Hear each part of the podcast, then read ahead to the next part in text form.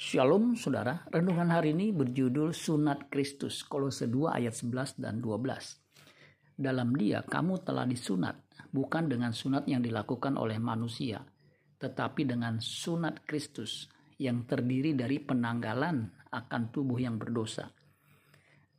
Karena dengan dia kamu dikuburkan dalam baptisan dan di dalam dia kamu turut dibangkitkan juga oleh kepercayaanmu kepada kerja kuasa Allah yang telah membangkitkan dia dari antara orang mati.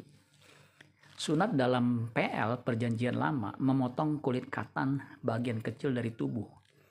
Bagian tubuh ini adalah sebagian dari tubuh manusia yang paling sering membawa dirinya untuk berbuat dosa.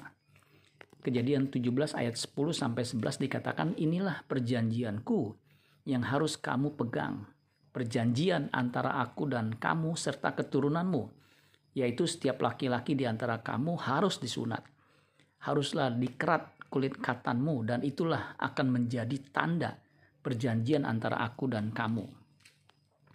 Umat PB perjanjian baru yang disunat adalah seluruh tubuh yang berdosa.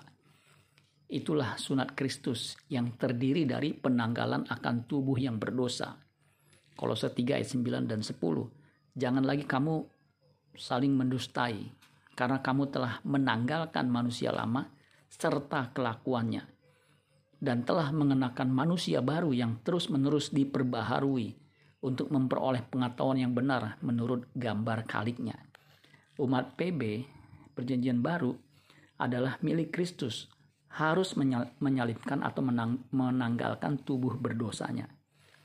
Galatia 5 ayat 24 Barang siapa menjadi milik Kristus Yesus ia telah menyalipkan daging dengan segala hawa nafsunya dan keinginannya. Apakah Anda dan saya sudah disunat dengan sunat Kristus?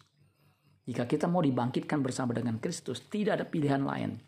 Kita harus disunat dengan sunat Kristus. Amin buat firman Tuhan. Tuhan Yesus memberkati. Sola Gracia.